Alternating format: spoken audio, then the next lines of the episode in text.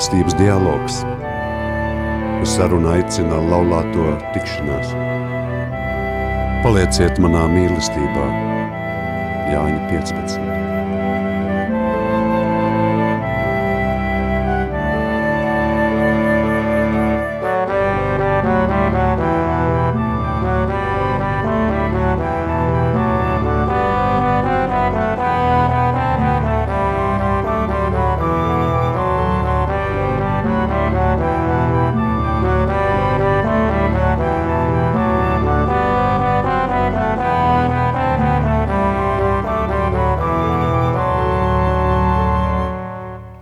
Labvakar, jums atkal kopā ir apvienības laulāto tikšanās raidījums mīlestības dialogs, un mēs, Edgars un Sīta, turpinam sarunāties par dialogu lomu un kā tas var palīdzēt uzlabot mūsu laulības dzīves kvalitāti un arī kontaktēties ar apkārtējo pasauli. Kad mēs gatavojamies laulībām, liekas, ka laulības dzīvē viss būs ideāli. Nebūs nekādu problēmu, mēs dzīvosim ilgi un laimīgi. Un pat ja pāris pirms tam ir bijuši ļoti labi pazīstami, uh, Viņiem liekas, ka pat ja ir kādas nelielas savstarpējas nesaprašanās, laulības brīdī kāda feja to visu mainīs, un turpmāk būs kā pasakās. Mēs esam bieži vien dažādu mītu, vai nu apkārtējo uzspiestu, vai pašu izdomātu varā. Un tad arī šī vakara sarunas tēma mums varētu būt laulības dzīve, mīti un patiesības. Aicinam arī jūs iesaistīties mūsu sarunā, zvaniet 679, 691, 31 vai sūtīt īsiņu 266, 77, 272 un padalieties, kāda jums pirms laulībām bija mīti vai varbūt cerības un kā tas viss izrādījās realitātē. Bet mūsu šī vakara viesi ir Ulds un Daina Žurila. Labvakar! Labvakar! Labvakar. Varbūt īsi iepazīstiniet ar sevi. Mhm. Mēs esam laulāts pāris, um, kurš šobrīd pēc intensīvas zīmju prieka eh, baudīšanas esam nedaudz apslimuši, tādām aizsmukšām balsīm, klepojoši, bet centīsimies jūs nepievilt. Eh, tad mēs esam laulībā 20, eh, jā, pār 27 gadus.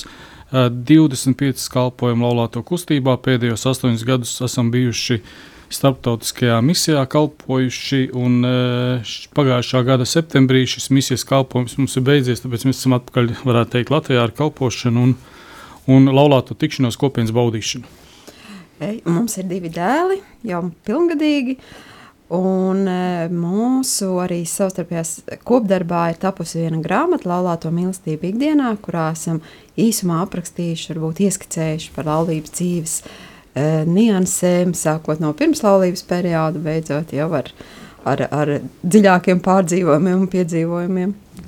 Varbūt mēs pirms pārējām pie dažādu mītu analīzes un iz, iz, ap, aprunāšanas, varbūt kas uh, veido šos mūsu mītus kopumā. Es nezinu, mūsu ģimenes, mūsu pašu, mūsu sabiedrības, nu, nu tā globāli. No kurienes mm -hmm. rodas visi šie mīti un kas tas tāds vispār ir?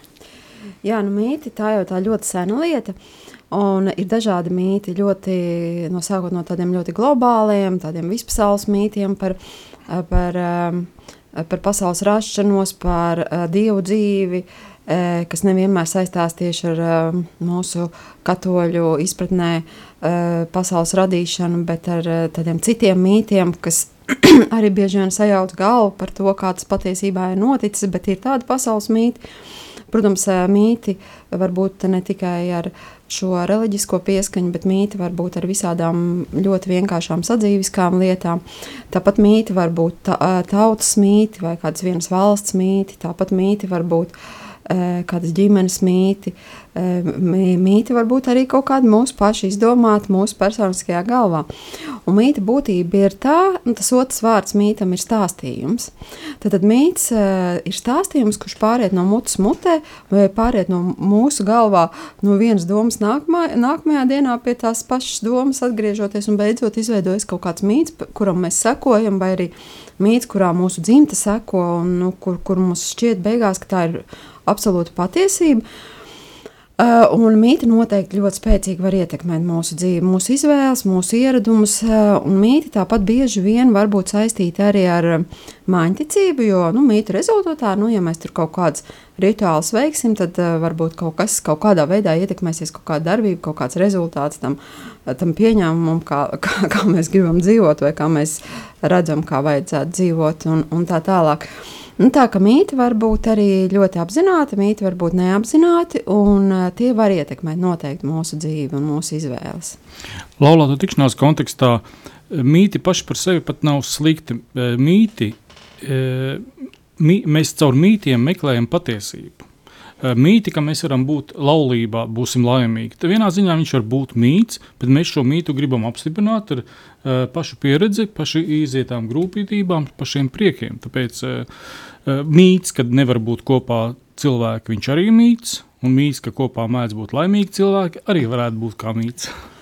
Jā, nu vienīgais, kā, jā, tā, tā, tā kā vairāk man vīrs pateica par to rezultātu, to mīti, ja, bet tajā procesā var būt dažādi pieņēmumi mītam par to, kā vajadzētu rīkoties, tad tās rīcības gan var būt pilnīgi absurdas un var arī būt ļoti uh, jēdzīgas. Jā. Jā, tāpēc laulāto tikšanās tāds sauklis vai moto pie mūsu ikonas ir palieciet manā mīlestībā, kas bieži vien palīdz atšķirt mītus no patiesības un ceļa virzienu.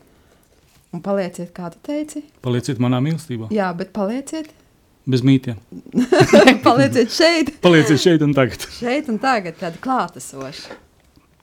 Darbojoties ar pāriem, kuri gatavojās laulībām, bieži liekas, ka daudz uzskata, ka tas viss ir lieki. Nu, tas nenoderēs, jo mūsu ģimenē viss būs ideāli.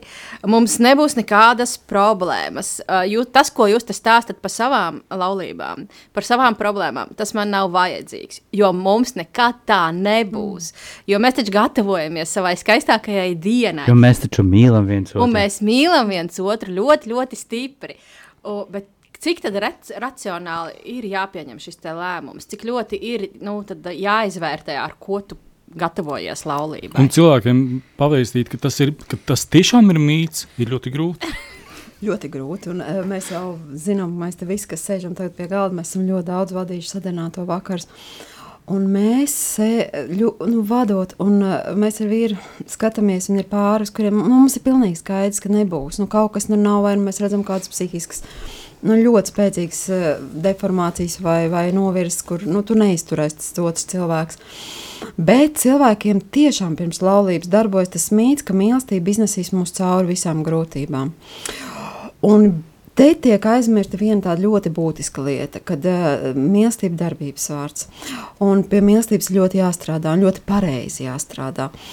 Un uh, tas, ka tās jūtas ir radušās, tā, mīlestība tas ir tāds fundamentāls, tās nav emocijas, tās tomēr ir jūtas. Ja? Bet nevienmēr mēs varam pateikt pirms laulības, cik tās ir iemīlēšanās jūtas, kas tomēr ir uh, emocijas vairāk, cik tās patiešām ir jūtas, tādas mīlestības pilnas un, un tādas nu, fundamentālas. Bet arī, ja tās ir pat fundamentālas jūtas, mīlestība, tās var tikt nokautas procesā, ja mēs uh, nerēķinamies ar tām grūtībām un nevēlamies paskatīties uh, uz otru cilvēku tā ļoti patiesi, un arī uz sevi tā ļoti patiesi, uh, kā mēs varēsim šajā jūtu ķīmijā, personības ķīmijā, temperamentu ķīmijā, ieradumu ķīmijā, vēstures, mūsu eh, ģimenes eh, tradīciju un, un visādu citu mantojumu no ģimenes ķīmijā sadzīvot savā starpā. Tā kā tas mūsu ieteikums, ka nekad, nekad nepaļaujamies uz jūtām. Jūtas ir mums noteikti ļoti svarīgi jāatpazīst. Jūtas mums ir jākontrolē, mums ir jāvalda pār savām jūtām, bet neejam jūtu pavadā. Jā, bet uh, iemīlēšanās process, iemīlēšanās laiks, uh, jūtas, ko mēs izbaudām iemīlēšanas laikā, tauriņu svēdarā, prieku, negulētas naktis, tā ir Dieva dāvana. Mēs arī redzam ne tikai kā dieva dāvanu, kas ir eh, jaunaulātiem vai iemīlējušies pāriem pirms laulībām, kur vēl nonākuši realitātē vai pie uh, mītu laušanas. Mēs redzam arī iemīlēšanas procesu kristiešu vidū, kas tikko ienāk baznīcā, kas tikko iepazīst Kristu, kas atru, atklāja uh, to dinamiku, baznīcas skaistumu. Un pēc tam sākās arī viņam ticības pārbaudījums un ticības dzīve, kur, uh, kur šī mīlestība it kā pirmā pazūd. Bet varam teikt, ka viņa nepazūd. Mēs varam pie viņiem atgriezties jebkurā laikā, kā pie dieva dāvanas, un ar šo mīlestības dāvanu, ko mēs saņemsim no dieva, vai laulībā, vai kļūstot par kristieti, ir kā spēks, lai, daži ap, ap, ap, uh, lai uzvarētu dažādus um, šķēršļus vai mītus, ko mēs, ar ko mēs ikdienā varbūt sastopamies. Jā, un um, bieži vien tieši šo mītu pavada arī uh, tas, ka mēs paļaujamies ne tikai uz to mīlestības spēku, bet bieži vien pārī. Tas cilvēks, kurš ir nu, no abas puses, protams, ir iemīlējušās, un varbūt jau viena puse ievēro, ka ir kaut kas otrā ne tāds, kas ir komfortabls, bet uh, ir tā sajūta, izjūta, ka es tikšu galā ar to, es to varēšu iznest. Un laulības dzīvē vienmēr jāatceras tā, ka abām pusēm ir jābūt gatavām vairāk dot nekā sagaidīt. Jo, diemžēl, nevar eh, laimīgi cilvēku nodzīvot, ja viens spēj dot un otrs nespēj dot. Um, nu, tas ir grūti un sūri un ar lielām sāpēm. Un kāpēc cilvēks nespēja dot otram to mīlestību? Pamatā tas, ko mēs esam sapratuši, ka pamatā tas ļoti cieši saistīts ar vecāku mājām, cik ir saņemta mīlestība. Bērnam ļoti daudz mīlestības jāsaņem bērnībā, lai viņš būtu spējīgs dot pēc tam dzīvē. un cik viņš ir mīlēts, cik viņš ir jūties drošs, cik viņš ir um, nu, atbalstīts, tad viņš būs spējīgs dot pēc tam tajā nākamajā laulībā. Un, ja mēs satiekam šādu cilvēku, kurš savā ziņā ļoti, ļoti iztukšots, uh, Protams, to var arī dziedināt, bet tam ir jābūt tādā lielā dieva žēlstībā, dziļās attiecībās ar dievu un, un jābūt ļoti nu, gatavam atvērties šai mīlestības tādai lielajai, lielajai um, tā, tā trūkuma piepildīšanai. Ja? Nu, tāds milzīgs darbs, tad milzīga apziņotība par sevi un milzīgs darbs ar sevi. Uh, bet, ja cilvēks nav tajā apziņotībā, nav to sapratis par sevi, tad otrs cilvēks visticamāk viņam būs ļoti sūri jāstrādā pie tā, lai to mīlestības trūkumu otrā piepildītu un tikai dotu, dotu no sevis, jo vajag laulībā saņemt arī. Bieži vien cilvēkam ir pārpratums, uh, piemēram, Eh, esam dzirdējuši teicienu, mīļā, miera labad, es paklusēšu, vai neko viņam nepārmetīšu, neteikšu, eh, nepalīdzēšu, saprast vai, mm -hmm. vai, vai noklusēšu. Un, eh, šis ir tiešām mīts, kas var sagraut attiecības, kas atslāņo vai attālina vienam no otra un nepaliek patiesībā, kur patiesība tik ved uz Nu, jā, un tā, tās, tās jūtas, jo citas pēc tam tāpat ņem virsroku, tur notiek tāds milzīgs sprādziens, un tāpat to tā nevar tā tagad visu mūžu kaut ko norīt, norīt, vai ir sāks kaut kādas nopietnas veselības problēmas. Bet tā pirmslaulības lielajai mīlestībai un tā iemīlēšanai un tām rozā brillēm ir tas atkal ir liela, kā man vīrs teica, tā ir milzīga dieva dāvana, kas mums cilvēkiem ir ļoti vajadzīga. Jo tad, ja mēs kādā cilvēkā esam tik ļoti iemīlējušies, mēs tik ļoti esam fokusēti uz viņu, un būtībā mēs esam ļoti interesēti viņā. Un tas ir vajadzīgs pirms laulības, lai mēs zinātu, ko mēs tad galu beigās precēsim, ar ko mēs stāsimies Dieva priekšā kopā un kā mums tur klāsies tālāk. Tad, tā, tā, tā ir tā milzīgā interesētība. Un to, ko mēs nepazīstam, ko mēs tā īsti nemīlam, diez vai mums par to būs vispār interese un vēlme tam veltīt laiku. Tas ir ļoti jāizmanto. Bet mēs atkal esam iekrituši 20. un 21. gadsimta tādās būtiskos slāzdos, ka mēs sajaucam šo lielo iemīlēšanos vēl ar šo kaisli un ar šo, šīm seksuālām attiecībām. Un tajā brīdī, kad cilvēks, kad viens pāris sāk šīs seksuālās attiecības pirmslaicīgi, pirms vēl viņi nav iekšēji nobrieduši un iepazinuši tik ļoti daudzās otra cilvēka personības šķautnes, un galvenais arī sevi šajās attiecībās, kā es reaģēju, kā es funkcionēju, ka man vajag kaut kam uh, piekāpties, ar kaut ko rēķināties. Uh, kaut ko saprast, kaut kur piedot, kaut kur uh, apstāties, uh, nu, kaut ko sevī riktīgi pastrādāt. Es, un tad, ja nāk šī kaisla un šīs seksuālās attiecības, viņi saprot būtībā pilnīgi visu. Viss mēs esam ierauti tajā, nu tad, ir, tad dzīve ir tikai rožaina, tad ir tik forša un tā tiekšanās vienam pēc otra. Bet mēs jau zinām, ka laulībā tā nenotiek, ka tu esi nodzīvojis 5, 10 gadus, ko otru cilvēku liekas, oh, es esmu jau iepazinis, nekā interesanti vairāk nav. Ko tad mēs darīsim? Kā mums 27 gadi. Jā. Mm. Bet tas, bet tas tomēr ir viens no uh, tādiem pamatmītiem, ka svarīgākais ir seksuālās attiecības. Tāpēc uh, svarīgi ir tā kopdzīve pirms laulības, un, uh, ja nav, tad, nu, tad laulība nesenāks. Jā, un šito, te, šito vienmēr. Uh, Šis ir pārprasts, pārprasts va- jautājumu uzstādījums. Nevis, um, ka seks, ja seks būs, tad būs laulības, laula, laula attiecības. Bet um, vai mēs, mēs nevaram pārbaudīt, vai mums būs bērni pirms laulības? Nākotnē. Vai mums viss būs kārtībā ar funkcionalitāti, ar, ar visām mūsu vīriešu vai sieviešu funkcionalitāti pēc mēneša, pēc gada?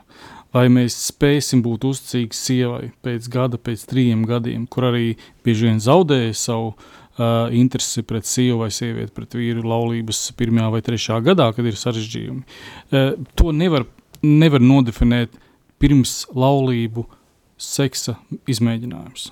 Jā, un ziniet, laulības dzīvē tik ļoti daudz lietas ir, ko mēs nevaram izmēģināt otru cilvēku. Mēs nekad nevaram izmēģināt, kā, kā, kāds būs mana vīra vai sievas veselības stāvoklis pēc 10, 20 gadiem.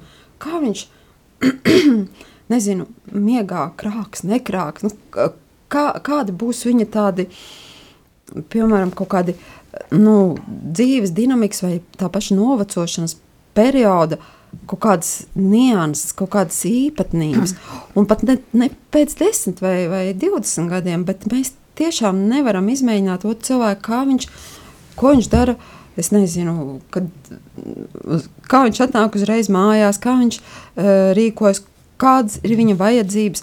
Tad, kad, uh, piemēram, piedzims bērns un pilna mājas raidīs ar bērniem, kāda būs viņa vajadzība pēc kaut kādas savas personiskās telpas, kā mainīsies otrs cilvēks, tad, kad viņam būs darbs, vai kad viņam nebūs darbs, vai kad viņam būs pārāk da daudz darba, kā viņš mainīsies tad, kad viņam būs kaut kāda liela izaicinājuma, kaut vai tajā pašā arī profesionālajā jomā. Jā, viņš tur iesaistīsies līdz ausīm, vai nu viņš tomēr kaut kādas robežas spēs nos, nospraust. Mēs nekad nevaram iedomāties, kā nu, pilnīgi līdz galam saprast, kā otrs cilvēks rīkojas, piemēram, attiecībā pret saviem vecākiem. Ja? Cik viņš tur ļoti būs arī spējis nospraust, piemēram, tās pašas robežas. Ja ļoti daudzās laulībās to nevar nospraust, nu, nemāk nospraust, un tāpēc tas arī ir viens no šķiršanās iemesliem. Sievas māca, vīra māca ļoti izteikts. Nu, ir tik ļoti daudz lietas, un noteikti seksuālā dzīve nav, nav mūsu tādā, nu, tiešām mēs daudz strādājam pāriem, un nav tāda nu, nesadarība var būt kaut kāda, bet tā, tie ir tādi nu, izņēmumi. Uh, tā, nu, tieši tāpat kā jebkura joma, var būt kaut kāds pilnīgi izņēmums un pārsteigums otra cilvēka. Nu, būt. Viens no mītiem, kad uh, seksuālas attiecības katoļu baznīcās starp pāriem nav tas ir pilnīgais mīts. Uh, apgāžot šo mītu, seksuālām attiecībām, katoļu ģimenēm ir, jā, ģimenēs ir jābūt, viņam jābūt veselīgam, atvērtam, priecīgam. Jā, un, un ļoti jābūt un, un mīlošam. Un tādam dinamiskam un dzīvai. Tā kā seksuālās attiecības vispār mm, ir tāds milzīgs dieva aicinājums tieši pa, nu, pārim piedzīvot tādas pilnsenīgas šīs seksuālās attiecības. Bet uh, tas var būt tāds priekšstats, ka, nu jā, tad tur tāda rīktīgi katoļi tikai tur mīlēs, tad, kad viņiem atkal uh, kārtā reizi ir izdomājuši tikt pie bērna, bet uh, nu, tas tiešām nav saistīts ar realitāti. Bet uh, man tāds jautājums, kāpēc šāds mīts vispār pastāv? Jums ir kāds viedoklis? Par, uh, Cilvēki izveido dažādus mītus vai aizbildinājumus. Zinu, ka bieži vien uh, sievas saviem vīriem aiz ticības pasaka, nē, es tev gultā nelaidīšu, vai es uh, tagad ļoti ieturu tādu zināmu ticības stāvokli, askēsi, jā, kur nav vairāk ne viņiem attiecības, ne tu, tuvības, bet tikai tāds viens formāls, uh, formāla attiecība. Jo Kristus aicina mīlēt savu sievu, mīlēt savu vīru, uh, un kā baznīca, un esiet ar viņu stojās attiecībās. Jo, piemēram, seksuālās attiecības viņas um, laulības dzīvē arī piedzīvo tādas milzīgas nu, dinamikas atšķirības.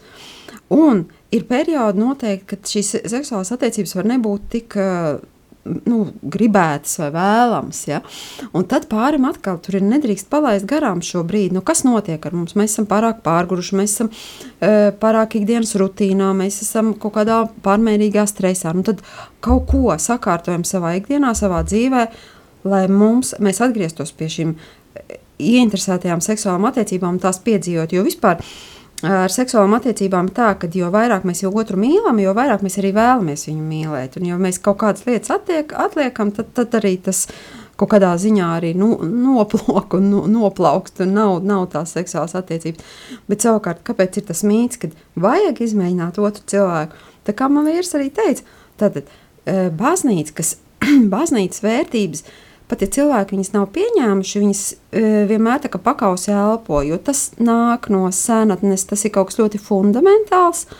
Un pat ja varbūt sabiedrība ir apvainojusies uz baznīcu, ka tā nedzīvo tādu laikam līdzi, laikam līdzi nedzīvo, ka tā nedzīvo arī tik.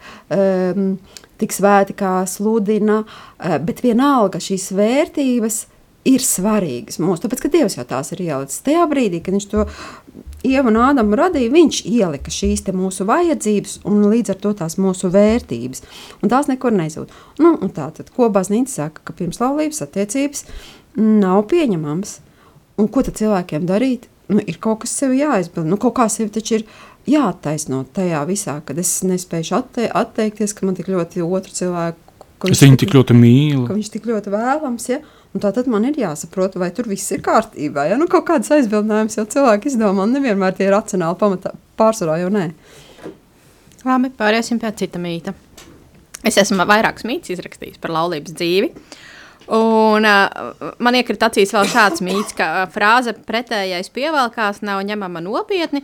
Cilvēki ar dažādiem temperamentiem, interesēm un ieradumiem nevar ilgi kopā sadzīvot. Tātad ka pretējie, pretējie vairāk pievelkās, bet tā, kopdzīve ir grūta. Nav, nav iespējams. Ah, nu redziet, kā ir. Ko, mēs esam redzējuši tik ļoti pretējus pāris, un kuri nodzīvos līdz mūža beigām, un būs vienkārši super. Un ir arī pāri, kuri ir ļoti līdzīgi, un viņi ne, nenodzīvo līdz galam, nenodzīvo kopā. Bet var noteikti piekrist, ka pāriem, kuri ir līdzīgāki, viņiem ir šī kopdzīve ir vieglāka.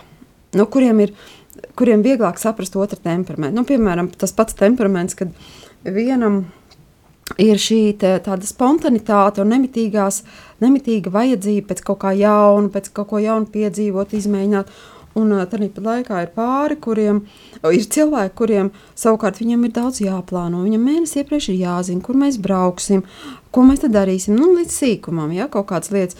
Šādiem cilvēkiem bieži vien patīk braukt tādos jau zināmos ceļojumos, piedzīvot vienas un tās pašas stāciņas, paskatīties, kā pēc gada šajā valstī tās mājas izskatās vai, vai, vai kaut kāds dabas skati. Ja? Un viņam tas rada komfortu. Bet citiem, kuri nekad dzīvē nevar aizbraukt uz vienu un to pašu vietu. Un ir skaidrs, ka pāri, kuri, e, kuri ir līdzīgāki kaut vai šajā pašā temperamenta ziņā, viņam daudz vieglāk otru cilvēku saprast. Nu, viņi tā kā sarīvējas, ļoti viegli saprot, izprot un, un, un dara, var sakot, mīl to otru cilvēku tieši tā, kā viņš vēlas. Tieši tāpat kā ir šīs piecas mīlestības valodas. Ja? Nu, ja, piemēram, mums ar vīru ir ļoti labi sakrits tas, ka mūsu mīlestības valoda ir vārdi. Un tiešām tie vārdi ļoti nozīmīgi. Un mēs uzmanīgi izturamies viens pret otru, ko mēs sakām. Bet tāpat laikā, piemēram, mums, mūsu mīlestības valoda nav dāvanas. Un, un, un, mēs to esam vienojušies. Tas tiešām man nekad ne, nu, nav pārdzīvojums, ka man vīrs nedāvina regulāri puķus. Vai, vai, vai es... Regulāri tas ir kaut kāds periods. nu, tas, tas nav noteikti vienreiz gadā. ja redz, kas kuram regulāri, varbūt mēs pāriesim vēl tur pēc citiem mītiem, jā, ar ko ar to dāvināšanu jāsaistās, bet, piemēram, man tas nestrauc, un manam vienam arī tas pilnīgi, nu, mums tas ir tāds ļoti kopējs, ja, bet, nu, iedomājieties, ja pāris, kuram vienam ir šī mīlestība dāva, nu, dāvana mīlestības valoda, un otram mīlestības valoda ir kopā pavadīts laiks, piemēram, ja, nu, iedomājieties, kā viņam liekas, ka tas otrs cilvēks viņu reāli nemīl, un, un, un vispār negrib, un ka viņš nav vēlams, un tur vispār var aiziet ļoti tālos tādos konfliktos, ja, Bet, ja ir viena mīlestības valoda, daudz vieglāk. Tā ka, nu, jā, mēs jau gribam piedzīvot dzīvē to atšķirīgo un, un, un, un kaut kādu to, to, to, to ekstrēmo. Un, un, un, ja godīgi sakot, tad, kad iepazīstas divi cilvēki, viņiem pilnīgi vienalga, vai viņiem ir uh, ļoti daudz tādas līdzīgās vai nav. Ja viņi mīl, tad viņi vienkārši mīl to otru cilvēku. Un, un... Sākumā spēj pielāgoties viens otram visi. Jā, bet atceramies to, ka viens no laulības šķiršanās būtiski, nu, Latvijā pirmais iemesls ir tas, ka atšķirīgas intereses. Tā kā ir jāmeklē kopīgās intereses. Varbūt atšķirīgs. Var, piemēram, vienam būt zemledus makšķerēšana, otram tamborēšana. Ne, nu, es zinu, ka mēs aizbraucam, piemēram, kādā ceļojumā vai kaut kādā misijā, kaut kur uz kādu valsti. Tad es vienmēr gribu ātri izskriet to reģionu. Un man sieva, protams, nevar tik tālu skriet līdz tad es izskrienos. Tad mēs ar viņu lēnām ejam apkārt pa to pusi, ko es jau biju izskrējis pirms tam. jā, jā, bet tas pielāgojamies. Tā, tā, mēs esam pielāgojušies šajā ziņā, esam sapratuši to ļoti labi. Jo tad, kad mēs, tad, kad mēs to, es, tad, kad es šito interesanto lietu savā vīrā sapratu. Pagāja vairāk ceļojumu. Un man jau bija stress nākamajā ceļojumā, vienā no ceļojumiem, kad mēs braucām. Un es ārpēc pirmās dienas vienkārši paies nenormālā skrējienā. Un, un es nevaru tik līdzi, man gribas mierīgi iet un apskatīt visu. Un vienā reizē mēs aizbraucam ceļojumā ar mūsu jaunāko dēlu. Un mēs rīktīgi sab sabārāmies, pateicām, jā, dēls mums teica, nu, tēti, nu, kas ir? Mēs varam mierīgi dzīvot, iet un visu apskatīt. Un kaut kā tajā brīdī manam vīram nāca tā apskaidrība, ah, jūs taču nejūtaties komfortabli šajā. Un tas bija labi. Un tad man vīriņš izskrēja, pēc tam viņš nākamās dienas varēja mierīgi izvadāt. Mēs ar dēlu mierīgi staigājām, mierīgi izbaudījām tā kā savā ritmā. Un tagad mans vīrs to ir pilnīgi sapratis un, un, un neliek, neliek mums skriet un, un varam rimtāk dzīvot. No, nu, es vēl negribās skriet. Bet cik vispār viegli ir šo saprast tā? Jā, galvenais ir humoru visam pieiet, pastīties no malas. Tā ir tā kā liela problēma, šī nesapratne dažādu to mīlestības valodu, arī šīs te temperamenta dinamikas, visas tā. Jā, tā ir liela problēma. Tāpēc uh, baznīca piedāvā tādu, mēs ieslēgam vēl par vienu mītu par baznīcu, jā, tas būs tas mīts. Baznīca piedāvā kopienas, kurās ir ļoti svarīgi, kāpēc ir mums arī laulātu tikšanās kopiena ko mums šie cilvēki, ar kuriem mēs kopā esam, tie pāri jau gadu, gadiem, jau gadu gadiem, mēs viens otru ļoti bagātinām un ļoti veidojam to priekšstatu. Jo tad, ja mēs nākam tikai no savu vecāku mājām un savā laulībā, mēs atkal pieņemam kaut kādus tādus mītus, mēs neesam vairs tik elastīgi, mēs nespējam paskatīties uz savu laulību, uz risinājumiem, tā elastīgi un ar dažādiem risinājumiem. Bet tad, ja mēs esam kopā ar cilvēkiem, kuriem mēs uzticamies, mēs dalāmies, tad mēs kļūstam daudz elastīgāki. Un tas noteikti atvieglo mūsu to dzīves gājumu. Tas bija tas mīts, tu runāji par to mītu. Ja mēs salolāsimies, tad visas problēmas mums laulībā pazudīs. Jā, bet tur būs vēl viens mīts. Jā, par liekas. to varbūt mēs tomēr pēc dziesmas parunāsim. Un tad lai skan tagad dziesmu.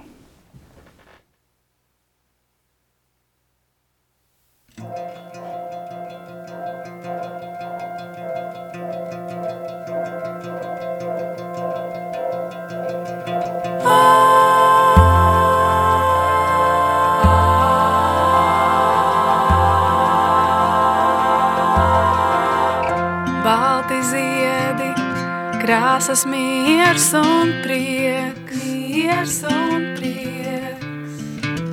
Skropstās sabiriskās sniegs.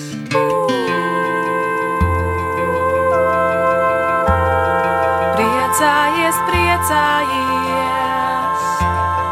priecājies, priecājies, ciedī, ciedī,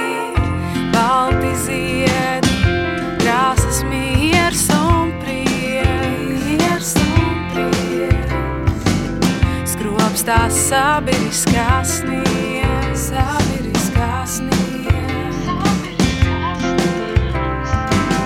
Jēzus bērniņš ir dzīvis, Jēzus ir dzīvis, vienreiz dzīvis un dzīvis.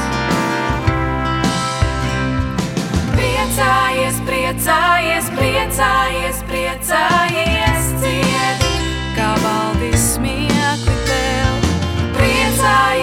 priecājies, priecājies, priecājies, cieti,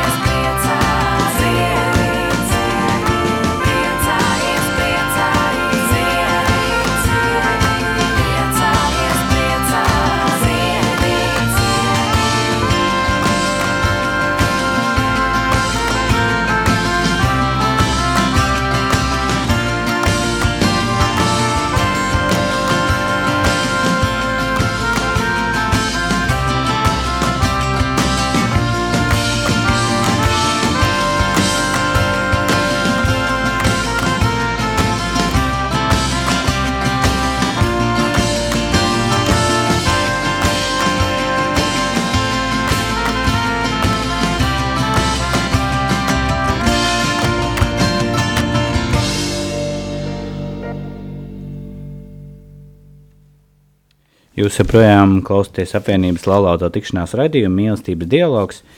Šovakar esam mēs Edgars un Sigita, un ar mums kopā ir Udis un Daina. Mēs turpinam sarunāties par mītiem un realitāti laulības dzīvē. Pirms pārējām pie nākamajiem jautājumiem, es gribu nolasīt divus viedokļus. Mēs arī saviem sociālo tīklu lietotājiem uzdevām arī šo jautājumu, kādi viņiem bija mīti vai kādas bija cerības pirms laulībām un kā tas izvērtās realitātē. Un tad mums ir atnākuši arī daži viedokļi. Un pirmais viedoklis ir tāds, tā kā pirms kāzām kopā vienā mājā nedzīvojam, tad īsti man nebija saprašanas un priekšstata, kā tad būs, kad mēs ikdienā dzīvosim kopā. Tā kā pirms laulībām dzīvoja pie vecākiem un studēja pilnu laiku, tad mamma rūpējās par visām sadzīves lietām. Pēc laulībām nācās saprast, ka tagad to nākas darīt pašai. Pirmais gads bija pagrūts, kamēr pieslīpējāmies. Nav vilšanās, bet drīzāk ar gadiem saprotu, ka tipveida ģimenē esam tā, ka vīrs pelna, un tas ir viņam svarīgākais pienākums, un sievas pienākums ir visi tie simts pienākumi, kas dod iespēju vīram pelnīt. Vīrs nes mamutu, un sievai ir bērni, baznīca un virtuve. Un ir vēl viens tāds viedoklis, kā es sapratu no vīrieša. Varbūt jums kaut kas ir komentējums par šo viedokli. Cik tas ir populārs, cik tas ir nu, jūsu skatījumā aktuāls varbūt tas. Skaists viedoklis. Tikai viena, n- jā, ka, protams, kad kļūstot par jaunu ģimeni, iepriekšēji ieradumi vai, vai tas, ko es domāju, ka, man, ka es darīšu, vai, vai sieva tīri, ka viņa man mājās tēvs vai mamma tīrie podu, tad, eh, ja mana mamma mājās tīrie podu, tad es domāju, ka mana sieva arī tīrīs to podu manā mājā, bet sieva tu šo podu netīra, tad man šis pods ir jātīra. Vai pareizi gatavošana, vai nu, vēl kāds tāds jocīgs piemērs var pieminēt ļoti daudz, kas varbūt liekas tādi naivi, bet viņi ļoti uh, spēj izcist ģimenes uh, tādus uh, pamatlietas, uh, bet, lai neizsistu pašu ģimeni no šī, šādiem pienākumiem, protams, viņus uh, katrs uzņemās atbildību vai pienākumus. Es negribētu teikt par pienākumu, bet uh, izdarīt tās lietas, ko es varu izdarīt. Un jaunā ģimene veidojoties, protams, arī pielāgojās šiem, mm, šiem apstākļiem. Vai tiešām sievai visi simts uh, uh, ģimenes uzdevumus kakla un viņus nedala ar vīru? Nu, es nezinu, varbūt Nē, nu, tas nav nekāds mīts. Sievietes ļoti spējīgas būtnes, un sievietes tiešām var vienlaicīgi darīt. Um, desmit darbus vismaz vienla, vienlaicīgi var darīt. Ja? Un tas nav mīts arī, ka vīrietis tas nav, nu, uz to nav spējīgs. Man liekas, parasti ne, nemaz nepretendē uz tādu, tādu talantu. Ja? Nu, tās nagliņas, ko man sieva atgādina, iedzīt tik pa pusstundai. Tad citreiz iedod āmuru, lai pati iekšā. bet tad iedomā, Tas nav Tā viegli. pusstunda ir vien, tā pus, ik pa pusstundai ir pusgads. Un, Pusgadā vien. un, un tas nav mīts, ja man paskatās vienu naglu. Man jāprēķina attālums, dziļums, naglas resnums, eh, sitiena ātrums, sitiena stiprums. Tur ļoti daudz sarežģītas lietas, lai to vienu naglu iesistu. Un Un redziet, tas kā- nav mīts. Un mīti veidojas arī no tā, ka mītiem ir daļa, mītos ir arī daļa kaut kāda patiesības. Ja? Piemēram, šīs vīrišķās un sievišķās um, domāšanas būtības atšķirības. Ja? Un lai cik mūsdienu sabiedrība grib novienādot šo dzimumu, ja? un beigās pataisīt visus mūsu uh, tā, tādus pilnīgi nu, vienāds, nu, tas nav iespējams. Ja? Tas nekad nebūs iespējams. Ja? Un tie nav nekādi mīti, ka mums ir katram tādas būtiskas atšķirības tajā spējā nest kaut ko šajā dzīvē, dzimuma atšķirības. Ja? Man ļoti patika, ka arī viens cilvēks uh, teica, tad, kad tagad nu, tās sievietes tur visi, tur, var sakot, visi tagad dara kopīgi un visi var izdarīt kopīgi. Ja? Viņa teica, nu tad, lai pamēģina tās sievietes panest tos 100 kg, ko vīrietis var pacelt, ko sieviete vispār pakustināt, desmit, ja knapi var. Nu, nekad mēs nevarēsim visi viens otru izdarīt. Un, To, ko var otrs dzimums, piemēram, izdarīt. Un ar tiem darbiem tas nav nekāds mīts. Jā, un, un, un, par to, ka ir vīrieši, kuriem ir ļoti liela vajadzība, ka viņa sieva ir mājās, ka viņa uh, rada šo mājīgumu sajūtu, izjūtu, un ka viņa uh, to ģimenes pavārdu uztur un sagaida. Un ir tiešām tāds uh, mājas cilvēks, ir tādi vīrieši. Un tas ir ļoti svarīgi tur pirms laulībām to apzināties.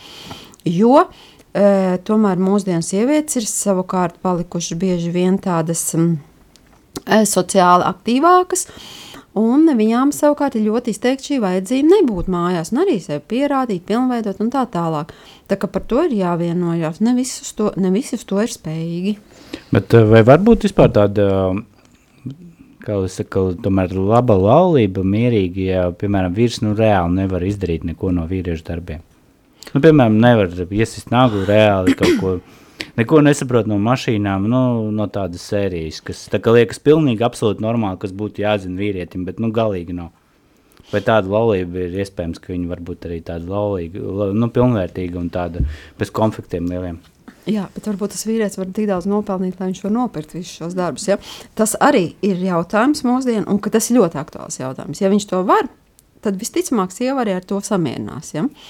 Bet, ja jūs jautājat personīgi, konkrēti man, man būtu ļoti grūti sadzīvot ar vīrieti, kurš nevar iesist nagu sienā, vai kurš nevar, ā, nu, neredz tās lietas. Ja? Man ir ļoti svarīgi, jo man ir tā sajūta, ka tas ir mans vīrietis, mana aizmugure, ā, tas, kuram es esmu gatava atdot e, tālāko iespēju nest manu bērnu gēnu. Arī stunagu. Labi, es pāriešu pie nākamā viedokļa.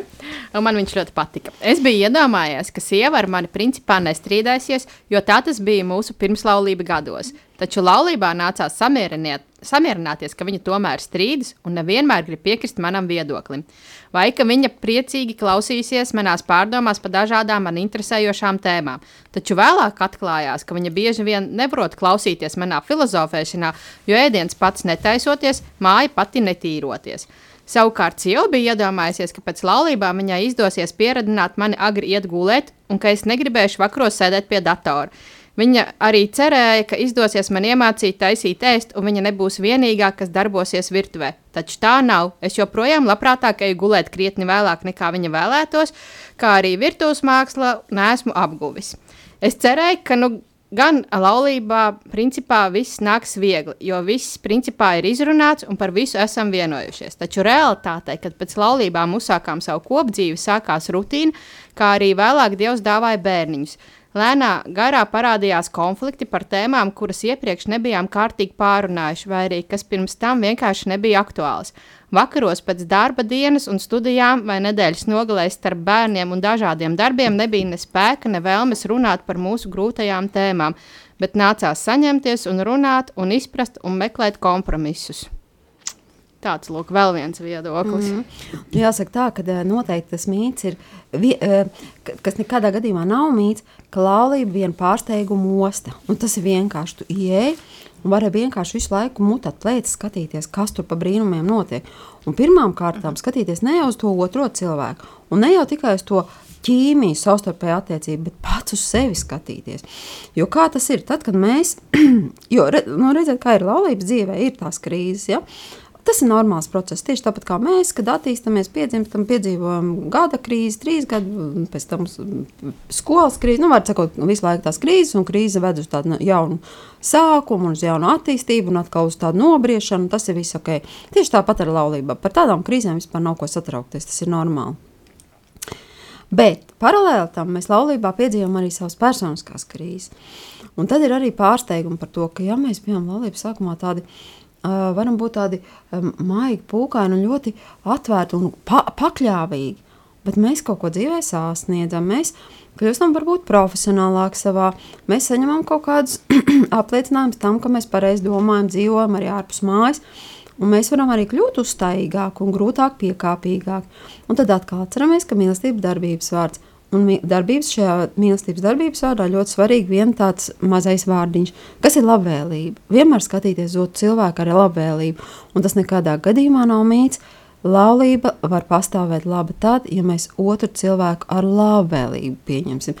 Pieņemsim tā, tajā labvēlību, kā viņš noveco, pieņemsim labvēlību, kā viņš kļūst varbūt mm, savā nosirmo kļūst skaistāks. Tajā pieņemsim, kad e, sāks varbūt kaut kādas veselības problēmas.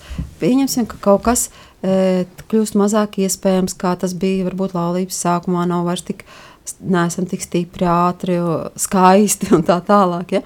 Vienkārši labvēlīgi to pieņemsim. Un tas ir tāds milzīgs, e, labs sajūta par dzīvi, ka um, nu, mēs akceptējam to, ka mēs paši attīstāmies, mūsu kopējās attiecības attīstās, otrs cilvēks attīstās. Bet tur tas cilvēks, uh, tur bija tāda lieta, ko es dzirdēju, ka viņam, viņš filozofē, bet sieva negrib uzklausīt. Un viņš tā joprojām nav iemācījies taisīt ēst. Un Mhm. sievai jātaisa ēst, bet viņš vēl grib filozofēt. mm. Un Ja, viņš kam- filozofē un sieva taisē. Jā, Nu, kam, bet varbūt tas ir ļoti laba sadarbība. Jāpadomā par šo pāri. Varētu tas pāris mums tagad uzvanīt, pastāstīt, kā viņam klājas tagad. Ja?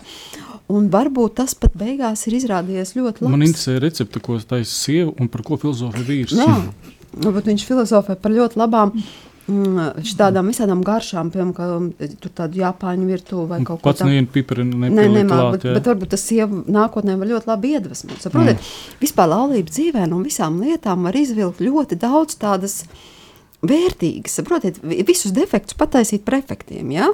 Hm? Labi, atgriezīsimies nedaudz atpakaļ. Un, uh, ir tāds mīts, ka laulība stiprina attiecības. Varbūt tas nemaz nav mīts. Bet nu, bieži vien tas ir tādā kontekstā, kad ir jau attiecības kādu laiku un sākas kašķi kaut kādi strīdi. Un tagad notiks brīnums, mēs salālāsimies un viss būs kārtībā. Jā, varbūt sākumā tas ir kārdinājums vai aicinājums, vai varētu teikt, ka tas ir tāds glābšanas riņķa meklējums. Kas mums ir vajadzīgs, lai mēs, eh, tā kā mēs jutāmies pirms eh, precējāmies Zaksā, kad viss bija labi, ka mums būs skaista dzīve, pēkšņi pēc trījiem neilga laika sajiet viss greizi. Kas mums jādara? Tad mums vecmāmas vai mammas vai kaut kas radi, saka, jums vajag noteikti salauzties, tad jums viss sakārtosies. Li- zinām šos piemērus ļoti daudz. Bet eh, redzam, ka nevienmēr tas nostrādā kaut kādu zināmu laiku. Tas dod kaut kādu tādu bonusu, dzīves pacēlumu, emocijas, atkal skaistas atmiņas, atgriešanās pie pirmās mīlestības, ka mēs dodam atkal savu jāvārdu.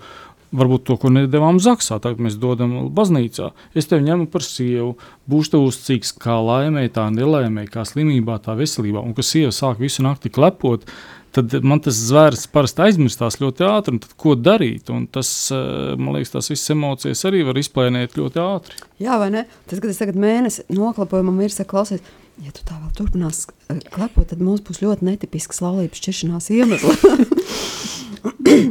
nu, lūk, tas tā jokam, bet e, ir tā, ka e, tas par to, ka lau, e, tātad laulības baznīcā, nu, kā lai paskatās, no vienas puses tas nav arī mīts, jo...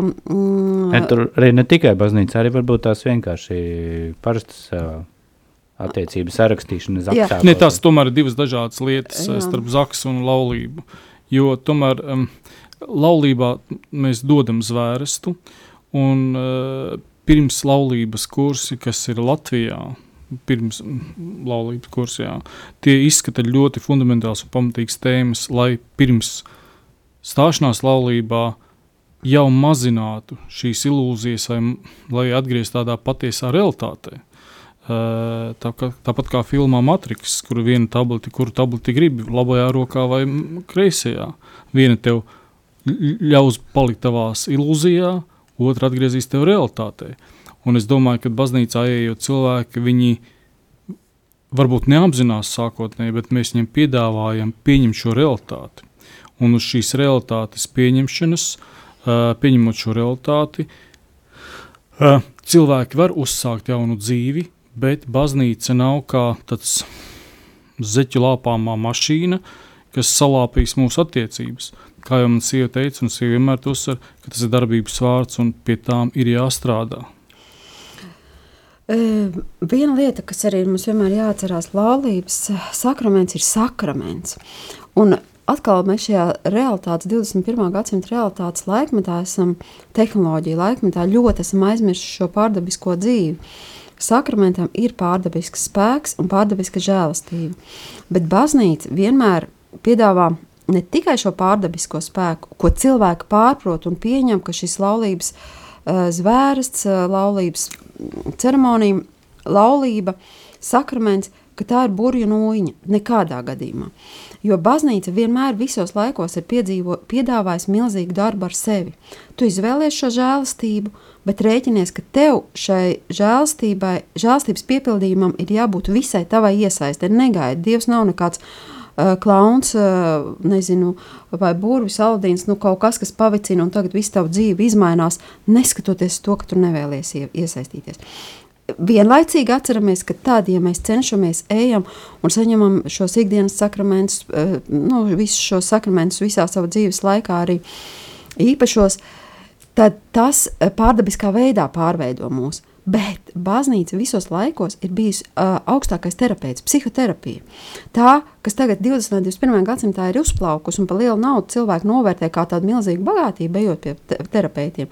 Atceramies, ka baznīca šos terapeitiskos nianses piedāvā ļoti lielā mērā.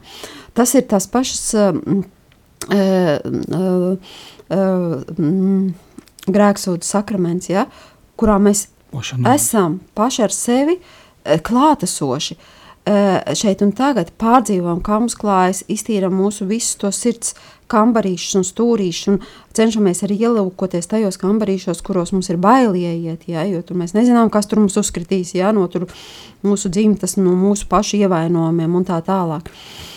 Tad baznīca noteikti piedāvā dažādām grupām arī dažādas, nu, tas ir visi terapeitiski, tā pati mūsu kopiena, ja, šie, šīs tikšanās reizes, šīs kopējās lūkšanas, e, e, ģimene pati jau par sevi tāda terapeitiska grupa, ja tā notiek tā dziļi, patiesi savstarpējā uzticēšanās, ja? tas kopējās gan lūkšanas, kopējais dialogs, sarunas pie galda, kopā būšana, vienkārši arī savstarpēja miera došana caur tādu klusēšanu un, un uzticēšanos un tā tālāk. Tas viss mums ļauj satikties un būt patiesiem, un arī šo konfliktu pārvarēšanu, pieņemšanu otra cilvēka, augšanu tikumos, pacietībā, lēmprātībā, mīlestībā. Ja? Tas ir milzīgs terapeitisks process, un baznīca šo visu piedāvā. Un nevar būt tā, ka ja mēs atnākam salauzājamies, o, un tagad burbuļsūniņa mums ir pavicināta, un mēs tagad dzīvosim laimīgi. Nākamais posms būs pēc pieciem, desmit gadiem, kad mēs nāksim bērnus nokristīsim, pēc tam tur varbūt vecmāmiņa nomirs un tā tālāk. Un mēs tā ik, ik pa laikam atnākam palietot ja, to baznīcu. Nu, nekā no tā nebūs. Nekā nebūs. Tā žēlastība nevar darboties bez mūsu aktivitātes. Tas ir tāpat kā tas uguns mums ir iedota. Nu, pagaidiet, pēc stundas viņa vairāk nedegs. Kaut, nu, tā ir liela žēlastība, pie kuras mēs varam sildīties nebūs nekā. Mums pašiem un, lai viņi degtu, tāpēc arī baznīca aicina, ka nākiet, ka svētdien būs svēto dienu svētī. Tad atlikt visus darbus, atpūsties, atbrīvot smadzenes no nepārtrauktiem taustiņu spaidīšanas, datora vai kādiem programmēšanām vai, vai projektēšanā vai mūžīgiem projektiem. Atlaist svētdienu un uh, iet uz baznīcu. Gribu vēl pieminēt to, ka um, nav, nav aizbildinājuma ģimenēm, vai, kas ir krīzēs, vai kur ir ceļā uz krīzi, vai kas tikko bijuši laulība, laulības noslēguši, ka baznīca nedod vairs neko citu, kā tikai iet uz baznīcu svētdienās. Baznīcas, baznīcā ir ļoti daudz dažādu ģimenes kopienu, kā jau Dāna minēja, gan lūkšanas grupiņas, gan uh, tādas uh, tikšanās vai rekolekcijas nedēļas nogalis. Ļoti daudz dažādas aktivitātes. Protams, ja ģimene vismaz gadā divas, trīs reizes, četras reizes piedalās šādos pasākumos un svētdienās iet uz baznīcu, tas jau ir liels glābiņš. Bet uh, vēl gribētu pieminēt to, ka uh, nav mīts, ka ģimenei vīrs un sieva noslēdzot laulības baznīcā, gūst šo žēlastību tālākai, tālākai dzīvei, bet šeit ir viens noteikums, ka šo laulību vēlās abi divi, gan sieva, gan vīrs. Jo tādās reizēs, kad sieva saka, zina, vīrs mums ir attiecības galīgi šķērsām, vai nu mēs šķiramies, vai mēs ejam uz lau, lau, baznīcu laulāties, Viņš saka, nu labi, jums pazīst laulāties. Ne? Nu, e, tas nebūs auglīgi. Tur tiešām jāizrunā pašiem līdz galam. Un tāpēc arī laulāto tikšanās piedāvā vienu no šādiem variantiem, e, veidiem, kā iziet cauri pamat fundamentālām tādām lietām, jautājumiem, vai tiešām es gribu šī laulības baznīcā. Un šeit nav vairs vecuma census vai mēs esam laulībā, tur mēs esam jauni, tikko pusgadu satikušies, vai mēs jau dzīvojam 20 gadus Un nereti rādat piemērs to, ka pēc 10, pēc 20 gadiem cilvēki grib salauzties, izjūt kursus, viņi saka, pats, kur mēs bijām agrāk. Mhm. Un uh, bieži vien arī tas, uh, esot baznīcas tiesā, es redzu, ka um, tas pamudinātājs laulāties ir tās vecmāmiņas. Nu, vecmāmiņām laba doma. uh, viņas ticīgas, ticīgas sievas un, un, un visu mūžu varbūt to ticību iznesuši, bet visām vecmāmiņām, mamām, nu, galvenā, starp citu ne tikai vecmāmiņām, mamām, vairāk tieši tēviem un, un, un vectēviem, kuriem daudz lielāka ietekme uz ģimenes tālāk šo ticības vērtības nodošanu, daudz lielāka ietekme. Viņam es ieteiktu, ieteiktu mums visiem kopā strādāt pie tā, lai mēs saviem bērniem nodotu dzīvo ticību, nevis kaut kādu rituālu ticību. Un tad viss sastāsies pareizi savā lietās, kad mēs nemeklēsim caur uh, sakramentiem būr, burvestību, bet mēs meklēsim patiesu tādu pilnīgu dzīvi, kurā mēs paši mainamies, strādājam pie sevis un saņemam šo žēlstību. Jā, un mēs meklējam atbalstu baznīcā, pie sakramentiem, pie garīdzniekiem, pie ģimenēm, kas spēj palīdzēt mums, un nemeklējam kalnu martas, nemeklējam visādus horoskopus, uh, prognozes vai kaut ko tamlīdzīgu. Tā ļoti, tās ir ļoti divas atšķirīgas lietas, un tās mēdz ietekmēt arī mūsu savstarpējās attiecības un mūsu lēmumus. Tad īstenībā reizēm jau tā īsumā sanāk, ka, lai būtu tā veiksmīgā un skaistā laulība, par kuru uh, varbūt mēs pirms uh, laulībām sapņojam, patiesībā sakot, visu mūžu ir smagi jāstrādā.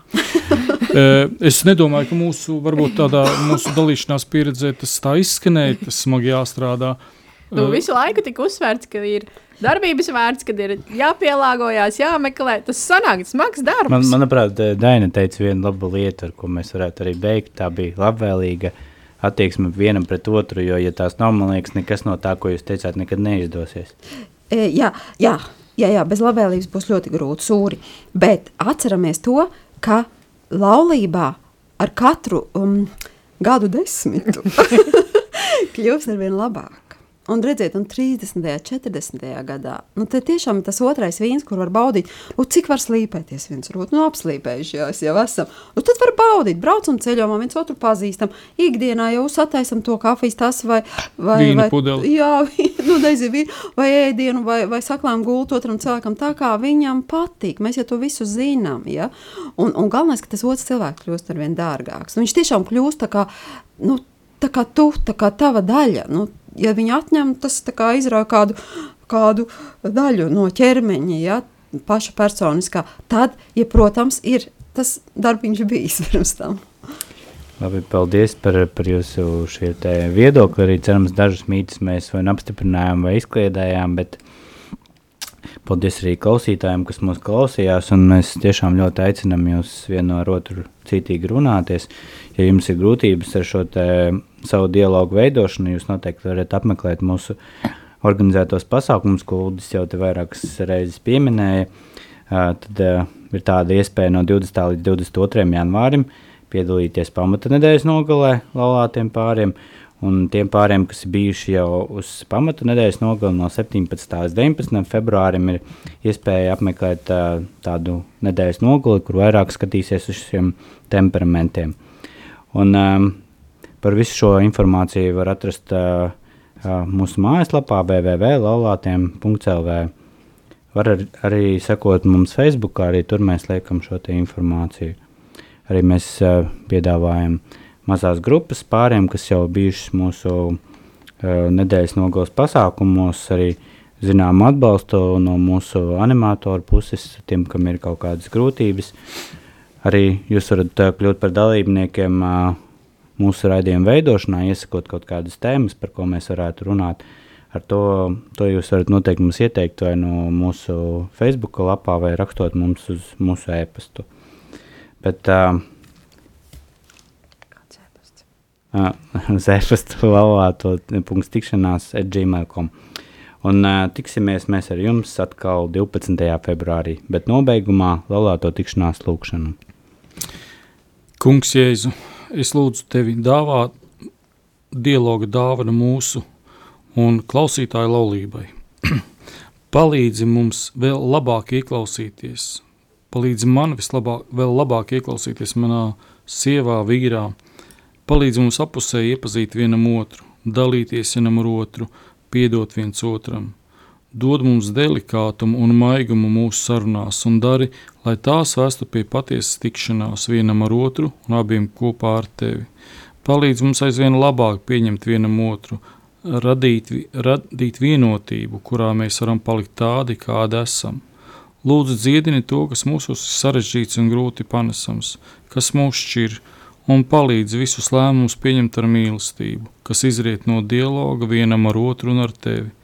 Palīdz mums priecāties par mūsu laulību un vienmēr palikt tavā mīlestībā. Āmen!